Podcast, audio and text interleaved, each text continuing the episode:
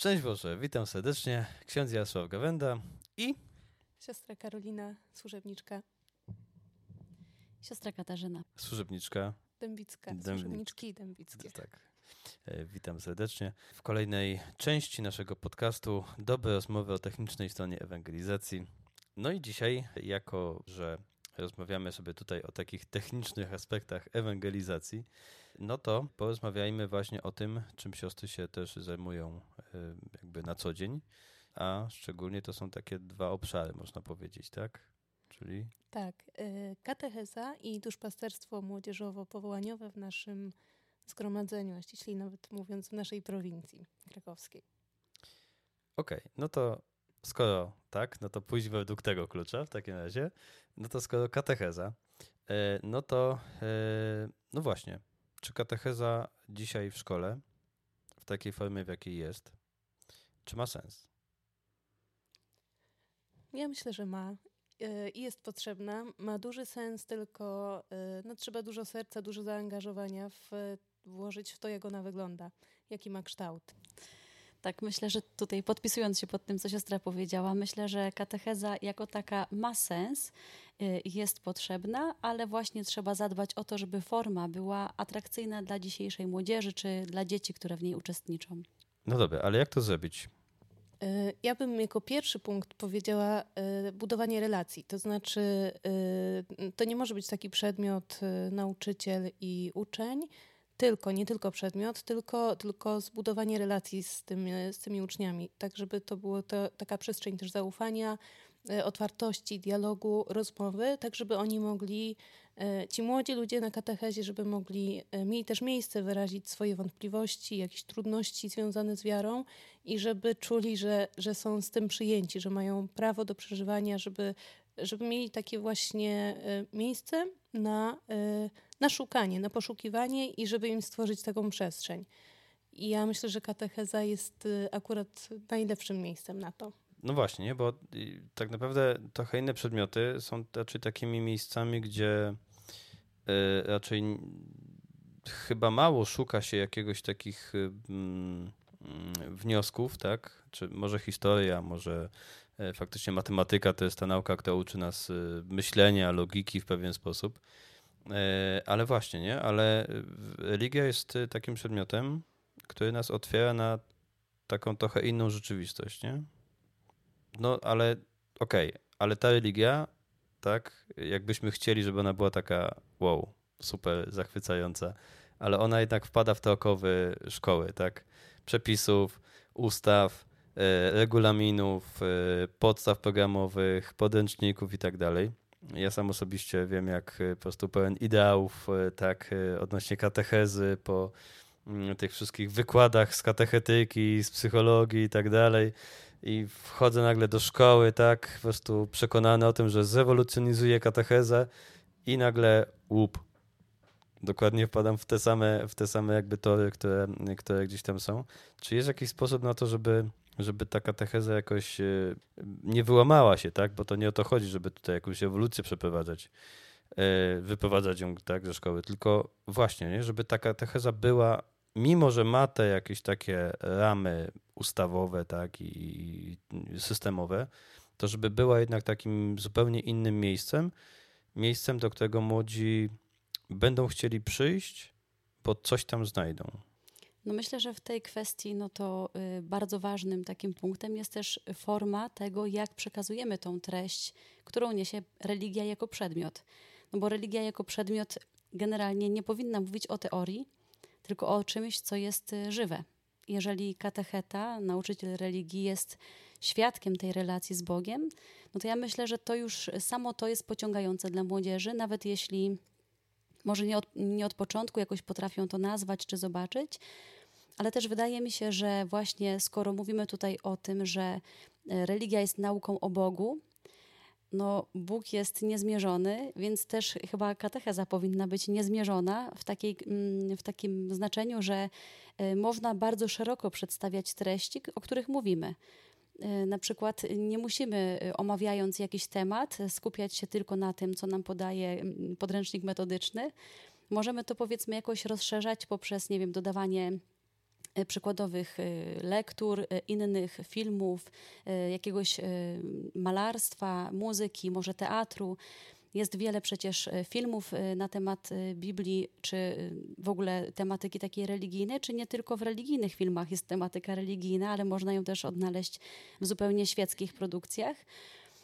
I wydaje mi się, że to jest chyba kwestia tego właśnie, jak nauczyciel konkretny do tego podchodzi. Jeśli on tym żyje, no to też nie musi być to jakieś takie przebodźcowane, ale żeby powiedzmy poszerzać horyzonty młodym. Oni i tak mają szerokie horyzonty, mają dostęp do wielu rzeczy, ale żeby może pokazywać im też, że y, w rzeczach, w których przebywają na co dzień, mogą odnajdywać, odnajdywać też właśnie wartości i mogą w ten sposób też odnajdywać Pana Boga, no bo w zasadzie wszystko, co mamy, mamy od Niego.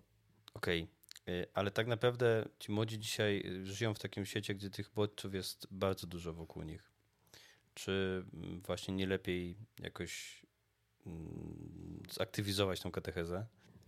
Zaktywizować.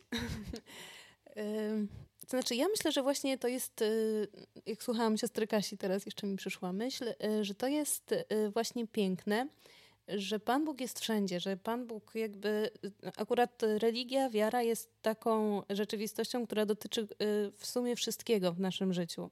Więc wszystko możemy połączyć E, I właśnie chodzi o to, żeby Ewangelia, która jest y, bardzo atrakcyjna i która jest pociągająca, żeby mm, no, pokazywać w taki sposób, że ona naprawdę y, w naszym życiu ma sens i jakby pokazywać jej cel. Jak się pokaże, że Ewangelia jest czymś, co y, pomoże nam żyć lepiej, piękniej, szczęśliwiej, tylko nie tak właśnie, że musicie tak żyć, bo tak Pan Bóg powiedział, tylko pokazać im to od dołu, że popatrzcie, warto, no bo to, to i to, na przykład, nie wiem, w kwestiach relacji, w kwestiach yy, właśnie, nie wiem, uczciwości, czy w ogóle wartości, to y, ja myślę, że to jest w którymś momencie dla nich to staje się zachwycające, aż nawet niemożliwe, ale, y, ale myślę, że y, pociągające, tylko właśnie, żeby to osadzić w życiu, tą katechezę, nie tylko w, w przedmiocie, czy, czy w takim suchym nauczaniu, E,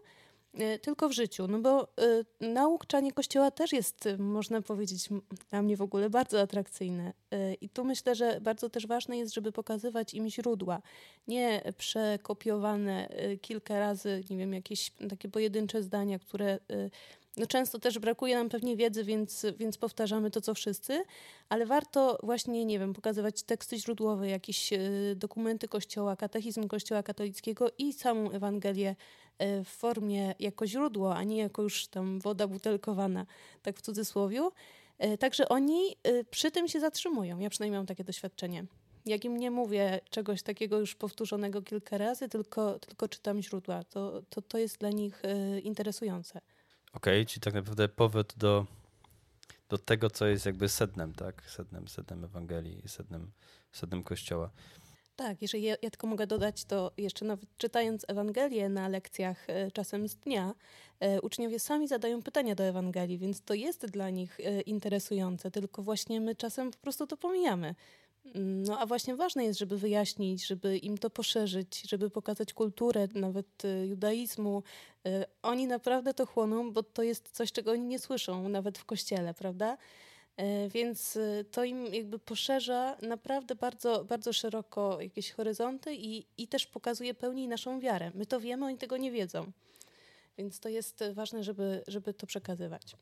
Tak, tym bardziej, że teraz jakby możliwość zrobienia tego jest, e, jakby jest wiele, tak, możliwości, bo wystarczy mieć dostęp do internetu i już można na każdą stronę, czy jakieś papierosy, czy, czy jakieś, czy Jerozolima, czy, czy cokolwiek, jak czy jakiekolwiek mapy i tak dalej. Wszystko mamy w zasadzie na wyciągnięcie ręki, tylko właśnie nie pomyśleć, jak ich y, tym zaciekawić. No, ja kiedyś zrobiłem taką jedną akcję i to uczniowie, których uczyłem 6 lat temu jeszcze o tym pamiętają i to ostatnio przypomnieli, że po prostu wpuściłem ich do klasy y, i zamknąłem drzwi za nimi. I nagle wpadłem do klasy mówię, cicho, cicho, szukają nas, zaraz po nas przyjdą. I tak latam po klasie, nie? To tak pierwsze myśleli, że coś tam żartuje sobie, ale potem tak patrzą na mnie, kurczę, ksiądz zwariował, nie? Bo on tak na serio, nie? Ten. No, to była katecheza o e, zesłaniu Ducha Świętego w uczniach e, zamkniętych w wieczorniku. E, I nie właśnie jakby w ten sposób trochę, nie tak bardziej przeżyciowo ich jakby dopiero później wytłumaczyłem, o co tak naprawdę w tym wszystkim chodzi, że tak się uczniowie czuli, nie? Jakby, czy tak się mogli czuć, nie? Kiedy, kiedy właśnie byli zamknięci tak, przestraszeni tym, co się będzie dalej działo teraz z nimi, nie? I tak dalej. Więc, no właśnie, ale to, co się tam mówiła, że też y, osoba, nie? Y, ten katecheta, który idzie na religię, nie? Że to jest też ważne, żeby, mm, żeby, żeby pokazywać jakby to, co jest w nas, nie? Faktycznie.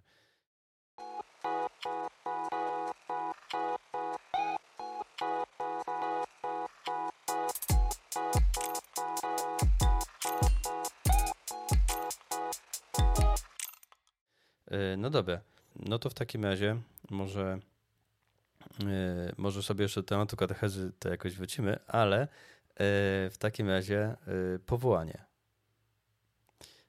Jak to się stało, że siostry zostały siostrami?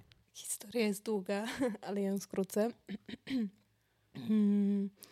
No ja myślę, że y, akurat w moim przypadku y, to było takie, mm, taka trochę sprzeczność, ponieważ ja y, zewnętrznie nie chciałam być siostrą zakonną, miałam dużo oporów, habit, no takie mi się siostry wydawały nieżyciowe, w ogóle niezorientowane w świecie. E, takie naprawdę żyjące poza. Mm, siostry były w mojej parafii, więc ja znałam. Znałam siostry, ale one mi się wydawały takie no, naprawdę żyjące zupełnie innym życiem niż, niż, e, niż reszta. I to było jakieś takie właśnie, że, że, że stawiało taki opór. Mm, też nawet czasem e, stosunek ludzi do sióstr, chociaż taki pełen szacunku, ale jednak z takim dystansem jakoś ja, ja tak kojarzę. Więc to była rzecz, która mnie raczej powstrzymywała, ale takim y, chyba najważniejszym argumentem, czy takim momentem, czy, czy dłuższą chwilą było y, to, że w liceum ja jakoś miałam taki czas, powiedziałabym, że łaskę, y, takiej y, modlitwy czy relacji z mm, Jezusem, takiej bardzo bardzo bliskiej. Ja jak chodziłam do e, liceum, to miałam niedaleko kościół z e, taką wieczystą adoracją, więc codziennie chodziłam na adorację na godzinę od poniedziałku do piątku. I jakoś to był taki czas, w którym bardzo jakby, no nie wiem, można powiedzieć, polubiłam się z Panem Jezusem, zaprzyjaźniłam się z Nim. E, także potem, jak był ten już czas wyboru powołania, ja nawet nie rozważałam jakoś tak strasznie, tylko to była taka myśl, która mi przychodziła właśnie o tym, że, mm, że chciałabym w moim życiu wybrać Jezusa. I na tamten moment to była jedyna opcja. Jakoś w małżeństwie nie wydawało mi się to takie możliwe. E, więc jakby takim kluczem powiedziałabym, czy, czy, taką najważniejszą, decydującą rzeczą było właśnie, e, no, no Jezus, po prostu. Ja chciałam i, i zależało mi bardzo, żeby, żeby tą moją młodość e, Jezusowi oddać i żeby z Nim przeżyć młodość, więc, więc miałam 18 lat wtedy. E, no i, no i wtedy mm, podejmowałam taką decyzję. E, chociaż tam było dużo jeszcze niepewności, ja dużo rzeczy nie wiedziałam. Potem w trakcie formacji e, dopiero odkrywałam i niektóre mnie kosztowały, ale e, z drugiej strony jakby ta, ta pierwsza myśl, czy tak pierwszy taki, taki zachwyt właśnie tym życiem dla Jezusa był, był na tyle mocny, że te inne rzeczy jakby już nie miały takiego znaczenia.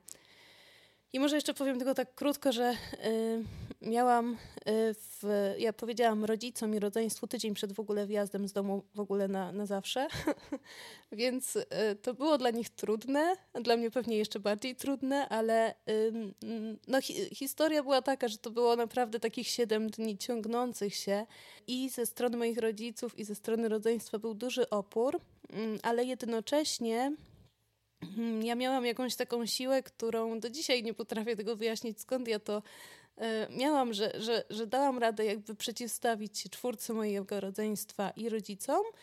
Z takim znaczeniem może nie tyle przeciwstawić się, co, co właśnie po prostu wybrać to, e, czego, czego tak naprawdę pragnęło moje serce.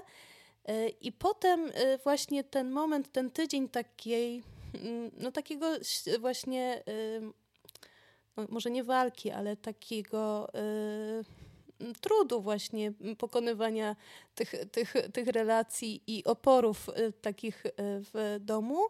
Y, potem stał się dla mnie takim umocnieniem. Ja jakby miałam dowód, że to była jakaś łaska, że ja, że ja to przetrwałam, przeszłam i, i miałam na tyle siły i przekonania, że, że to jest ta droga, chociaż naprawdę no, wybierałam mm, w ciemno, jeżeli chodzi o formę życia. Siostry znałam, ale, ale jak one żyją, to nie wiedziałam. No i teraz już. Potem tak naprawdę powołanie, rozeznawanie powołania się kończy przy, przy ślubach wieczystych, e, więc potem jest jeszcze długi czas na to, żeby rozeznać, czy to pierwsza myśl była rzeczywiście e, no, właściwa, dobra e, i, i czy to jest moje miejsce. No ale ja już jestem po ślubach wieczystych, więc tak. Mm, ja kiedy już nie jeden raz y, opowiadałam o swojej historii powołania, to zawsze mam takie wrażenie, że wszystko, co mówię, to opiera się na takim tylko zewnętrznym, jakby tym, co można dostrzec, dostrzec okiem, y, ludzkim okiem, a tak naprawdę wszystko, co się wydarzyło największego, no to jest niedostrzegalne. Y, siostrą chciałam, by, chciałam być od dziecka tak naprawdę. Chyba tak bardzo świadomie pomyślałam o tym, świadomie, to znaczy, y, że chciałabym być siostrą, o może tak. E, pomyślałam o tym, kiedy w zerówce uczyła mnie właśnie siostra służebniczka, a później, będąc też w zerówce, zapisałam się do scholi parafialnej, którą też prowadziła siostra służebniczka. E, no i na przykład takie rzeczy, które mnie zachwycały, to był styl zachowania tych sióstr. Albo jak patrzyłam, kiedy siostra schodzi po schodach i na schodach rozpływa się jej habit. To były takie rzeczy, które zachwycały małą dziewczynkę, ale to, to później się przemieniało. E, I tak naprawdę e, ja robiłam wszystko w swoim życiu, żeby nie zostać służebniczką. Robiłam wszystko, no ale Pan Bóg mi pokazał, że Y, no on jednak myśli trochę inaczej niż ja, albo zupełnie inaczej niż ja.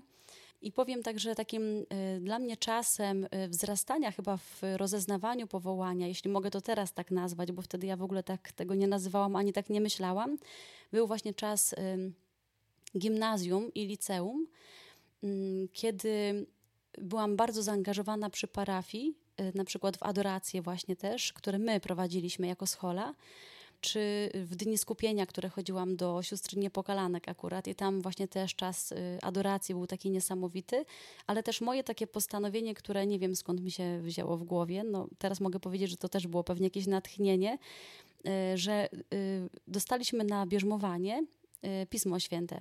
I miałam takie postanowienie, że każdego dnia przeczytam jeden fragment. I czytając, totalnie go nie rozumiałam, ale to mnie tak zachwycało, że chciałam więcej i więcej i więcej.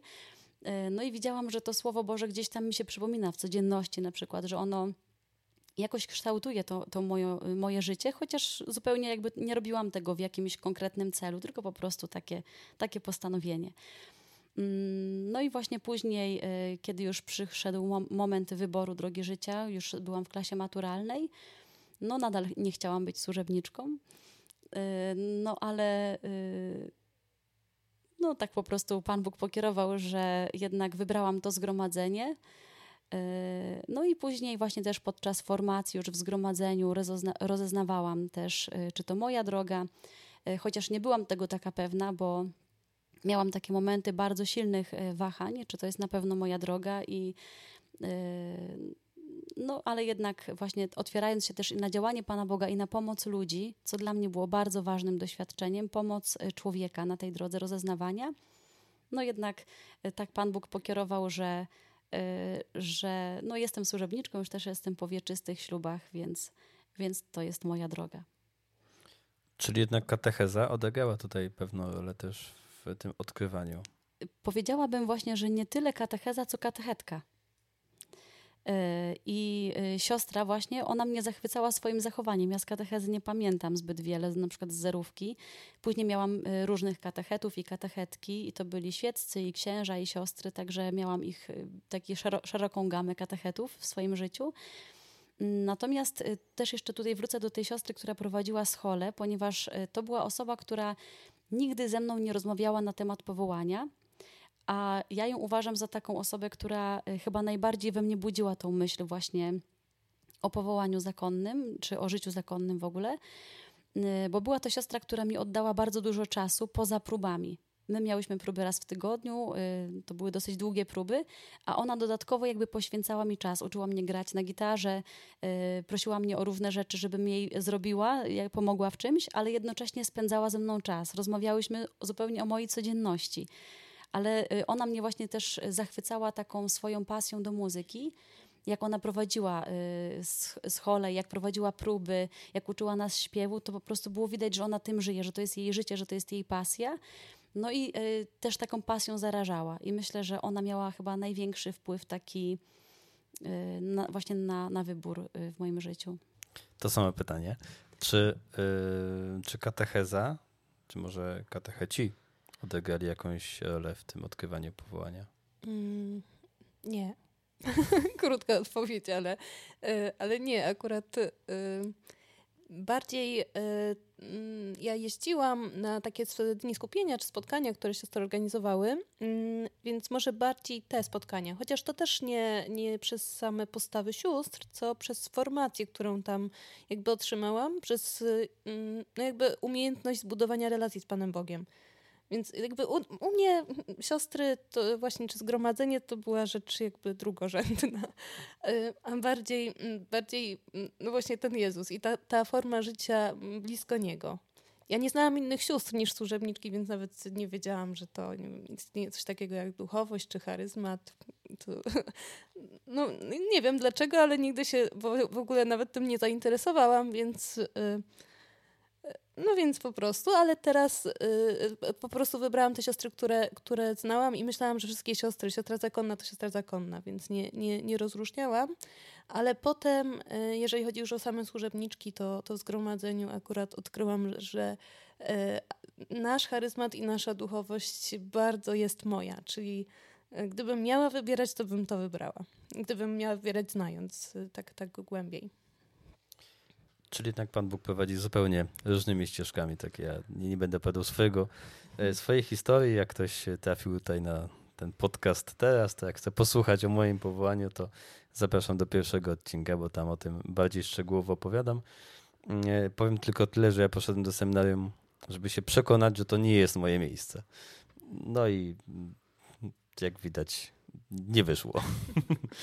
E, ale właśnie, to jest ciekawe, że Pan Bóg tymi zupełnie różnymi drogami, przez zupełnie różne czasami e, nawet byśmy nie, nie, e, nie powiedzieli, nie? jakieś spotkania, jakieś sytuacje prowadzi i, i prowadzi nas prowadzi nas też do spotkania z sobą.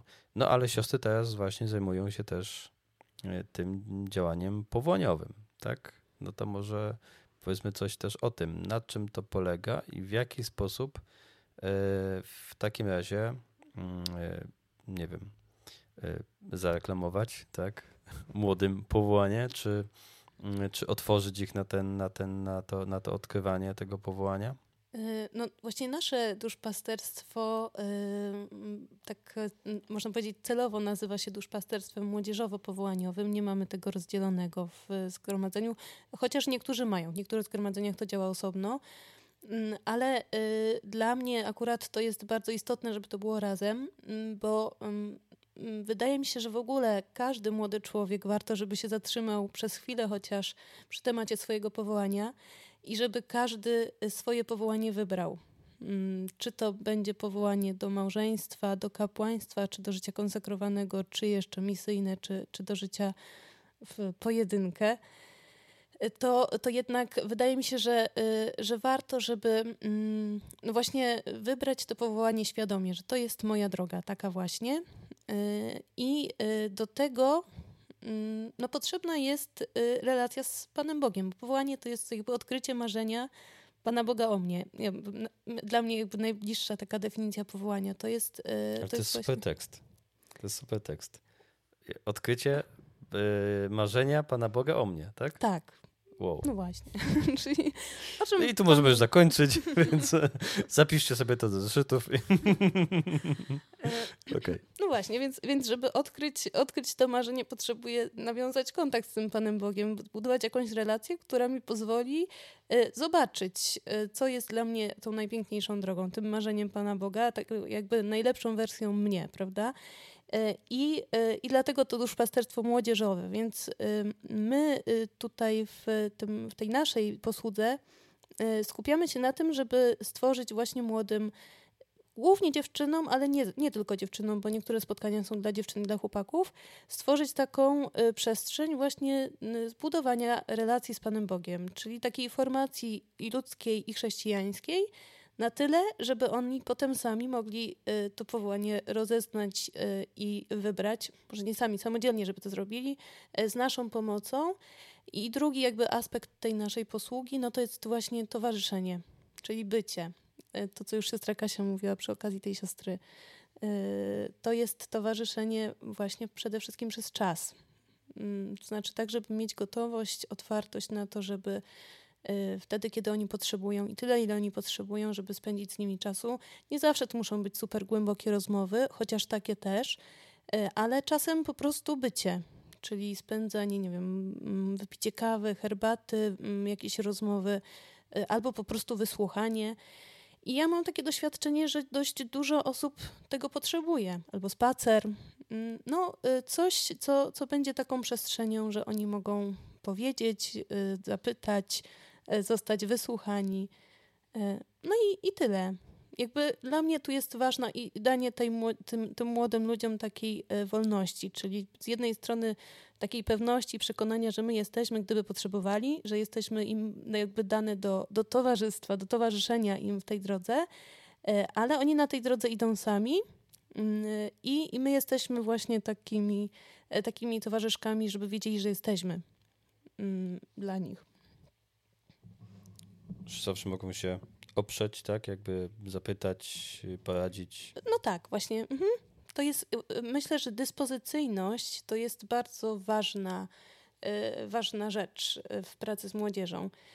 A druga, jak ja dostałam akurat zmianę, czyli dostałam tą posługę, to pomyślałam sobie, że najważniejszą rzeczą w tej posłudze jest jakby troska o moją też formację, czyli wracając do tego też katechety, który ma być świadkiem, E, to tutaj, żebym ja mogła cokolwiek o Panu Bogu powiedzieć, to, to muszę to też pokazać, potwierdzić jak, mm, no, życiem.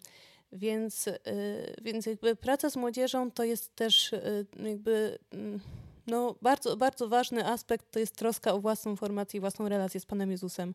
No bo mm, tutaj jakby to jest lusterko, można powiedzieć, prawda? Jak jesteśmy autentyczni i mówimy, mówimy o relacji z Jezusem, to nie możemy o niej mówić tylko technicznie, musimy mówić z doświadczenia bo tak to mm, oni wyczuwają, że coś jest y, nieautentyczne i nieprawdziwe i nawet to mówią wprost, więc, więc jakby szkoda się zabierać za coś, na czym się, no można powiedzieć, nie znamy. Nie, mam, nie, nie znam się z Panem Jezusem, nie mam z Nim kontaktu, no to, y, no to o tym nie opowiem. A, a na pewno już komuś nie, y, nie dam rady towarzyszyć w tym budowaniu tego kontaktu.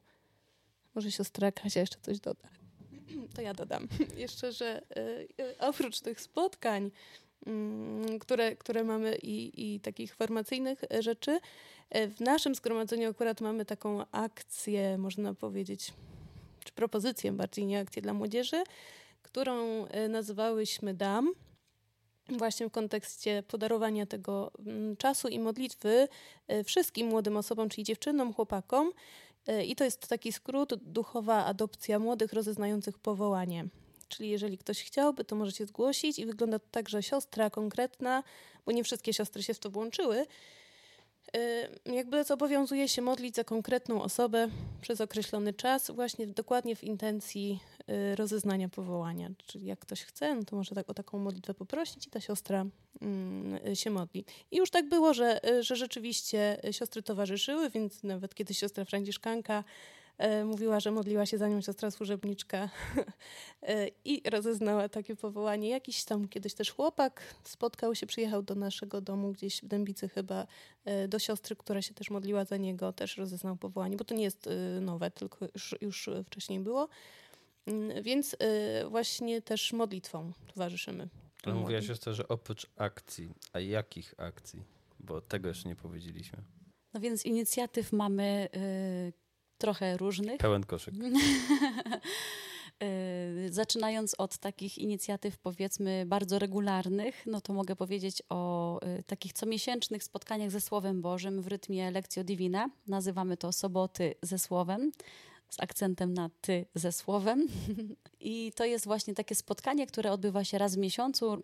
Trwa kilka godzin od 9 do 16 mniej więcej w naszym domu w Krakowie przy ulicy Biskupiej.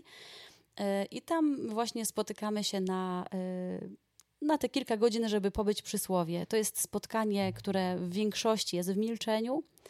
E, I jest to taki właśnie czas na to, żeby czytać słowo, żeby je rozważać, żeby słuchać tego, co Pan Bóg do mnie mówi, a na koniec jest też czas takiego wspólnego dzielenia się słowem, które jest też bardzo wartościowym czasem, bo okazuje się, że jedno słowo, a mówi do wielu osób na bardzo różne sposoby co zresztą jest świadectwem tego, że słowo jest żywe i skuteczne.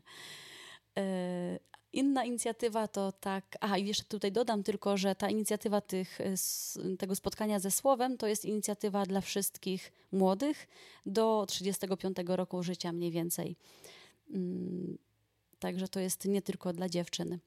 E, są też rekolekcje, Mm, takie rekolekcje dla dziewczynek z podstawówki, mniej więcej w wieku 12-15 lat. One są weekendowe, czyli piątek, sobota, niedziela.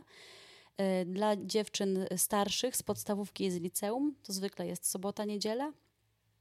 Mamy też e, raz, dwa razy do roku takie rekolekcje kilkudniowe dla dziewczynek z podstawówki oraz takie, y, taką serię mm, spotkań z Jezusem w górach, można powiedzieć. Y, to są takie wyjazdy w góry na, na różne szczyty, na których też rozważamy właśnie Słowo Boże i to są też wyjazdy koedukacyjne już raczej dla licealistów i studentów, powiedzmy. Mm, no i są też y, takie rekolekcje morskie, które są dla dziewczyn, ale już dla dorosłych, to znaczy głównie dla pełnoletnich osób. I to jest wyjazd właśnie do, do Gdańska na trzy dni. To są takie rekolekcje e, już w czerwcu, także już tak początkiem lata.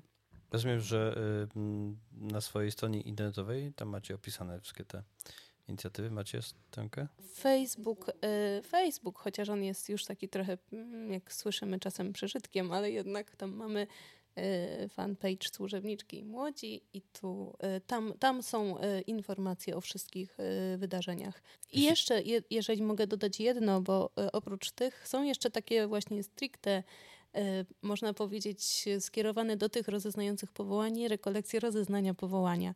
Z tym, że to nie są rekolekcje powołaniowe, czyli zachęcające do wstąpienia do zgromadzenia naszego, tylko y, właśnie takie rekolekcje o wyborach, o rozeznawaniu, o dokonywaniu decyzji.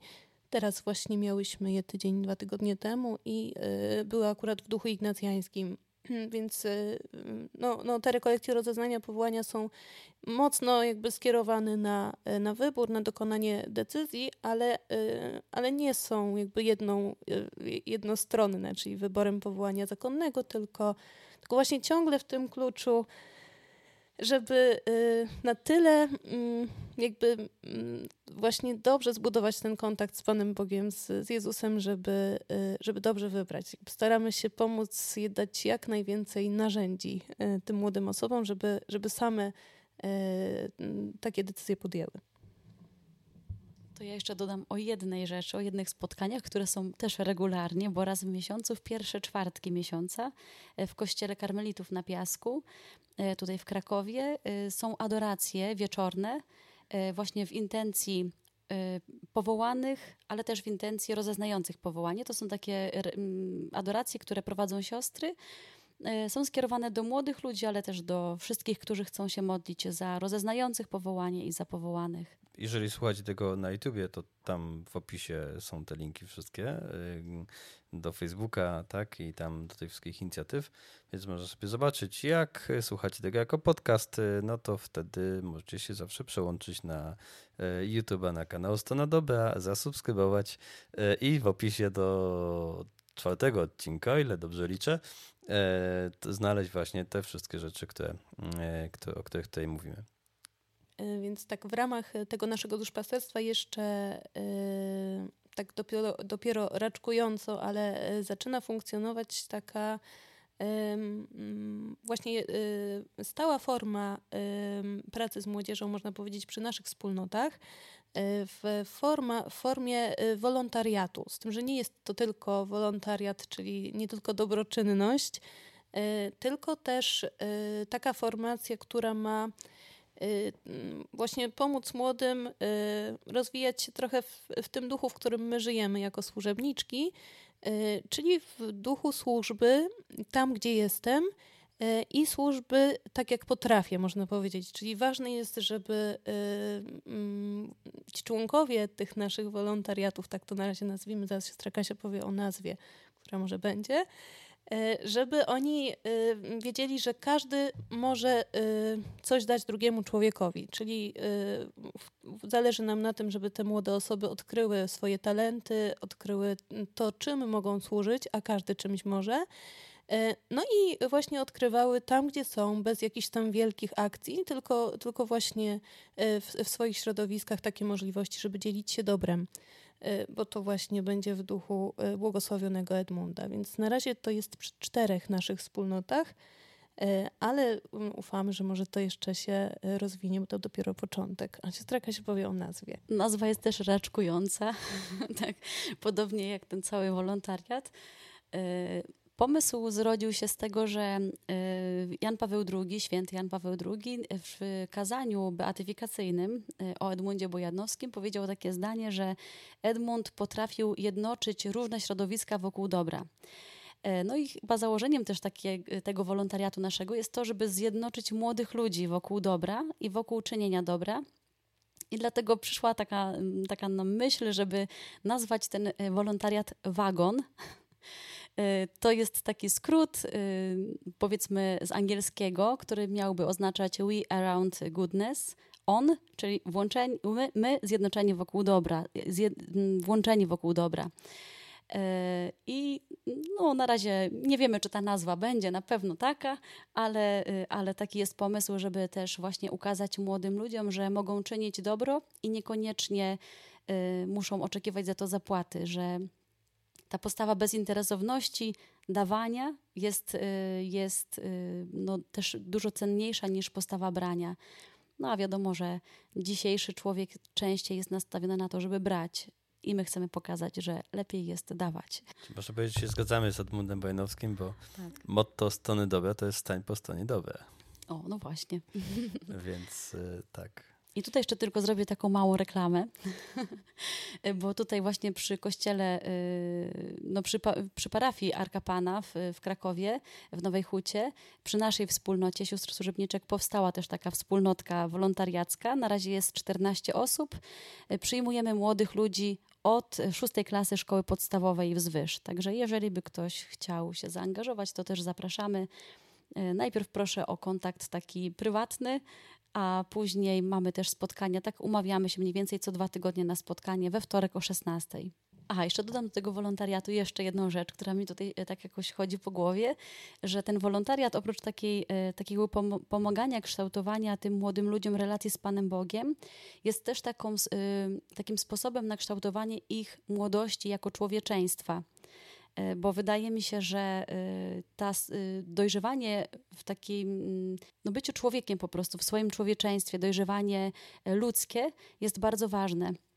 Jest takie zdanie, że łaska buduje na naturze, no ale właśnie tutaj jest kwestia tego, że często tą naturę jednak albo przebóstwiamy w pewien sposób, albo o niej zapominamy. A bardzo ważne jest to, żeby właśnie dojrzewać jako jako człowiek, jako chrześcijanin, jako konkretnie kobieta, mężczyzna, no i wtedy właśnie starać się nawiązywać w takim duchu relacje z Panem Bogiem. Ja jeszcze może dodam, że y, właśnie inspiracją y, w, w tym wolontariacie, czy w tych, w tych y, grupkach, można powiedzieć, formacyjnych jest właśnie Edmund Bojanowski, bo tutaj tak mało o nim wspomniałyśmy, czyli nasz założyciel. Y, I on był y, człowiekiem świeckim i jako młody człowiek już się angażował, jako, jako młoda osoba angażował się w no, bardzo dużo rzeczy, które mógł y, robić dla innych. I co było właśnie niesamowite u niego, to to, że miał dużo przeciwności, bo miał też dużo talentów, ale na przykład miał słabe zdrowie albo chciał coś zrobić, ale jakieś okoliczności się tak poskładały, że jednak nie mógł, więc jakby ciągle miał pod górkę, można powiedzieć, a jednocześnie odkrywał, że i tak e, w, nawet w takich, w takich sytuacjach może, może zrobić coś dobrego. I, e, I on tak zaznaczał, że podkreślał to, że, że każde, nawet najmniejsze dobro ma wartość, czyli to, że on właśnie z kimś porozmawiał, że poszedł do kogoś odwiedzić jakiegoś chorego, że mm, no, postarał się czy, służyć tymi swoimi talentami. Miał na przykład talent literacki, więc tworzył tam e, jakieś rzeczy, tak żeby móc pozyskać jakieś tam fundusze na pomoc ubogim. No, szukał e, przeróżnych sposobów do tego, żeby móc e, jak najbardziej, z jak największym zaangażowaniem pomagać innym osobom, jako właśnie świecki młody człowiek. Więc, więc on jest dla nas takim, te, takim wzorem, e, czy może właśnie taką inspiracją do tego, żeby, żeby w takim duchu odkrywać. E, I co ważne, jest jeszcze jedna rzecz, to prostota w tym wszystkim, więc e, taka, taka nasza bardzo ważna cecha sióstr służebniczek, e, o którą chcemy się troszczyć e, i do niej dążyć. Prostota, właśnie chcemy, chcemy o nią się troszczyć i przekazywać też w tym tym, tym młodym osobom, które nas spotykają, chciałybyśmy bardzo, żeby, żeby ta prostota i pokora, o którą Edmund bardzo się troszczył i zalecał siostrom, żeby, yy, żeby ona też jakby, no, można tak powiedzieć, promieniowała na, na innych, żeby, żeby też zachwycała. No, proste życie jest piękne, można tak powiedzieć. Czyli nie trzeba szukać wielkich rzeczy, wielkich projektów i siedzieć i mówić, że nic się nie da zrobić tak? Tylko zobaczyć te małe rzeczy, które można zrobić i je po prostu zrobić.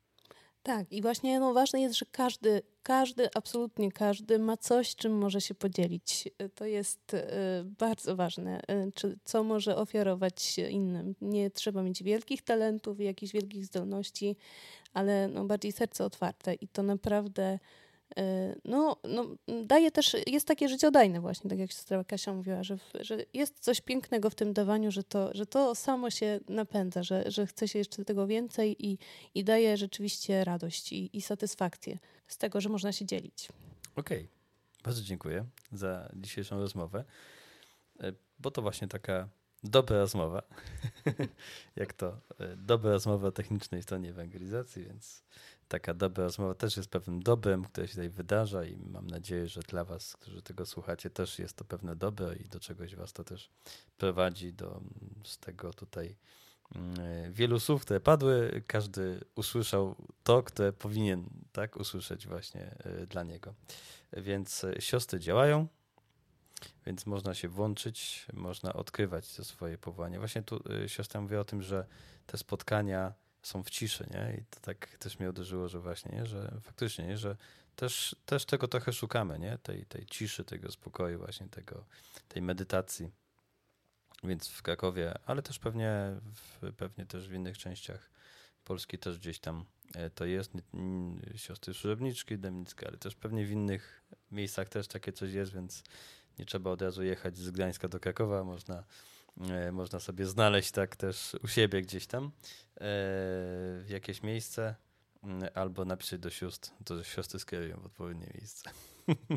albo kupią bilet na pociąg do Krakowa. Wszystko jest możliwe. Chociaż trzeba rozważać.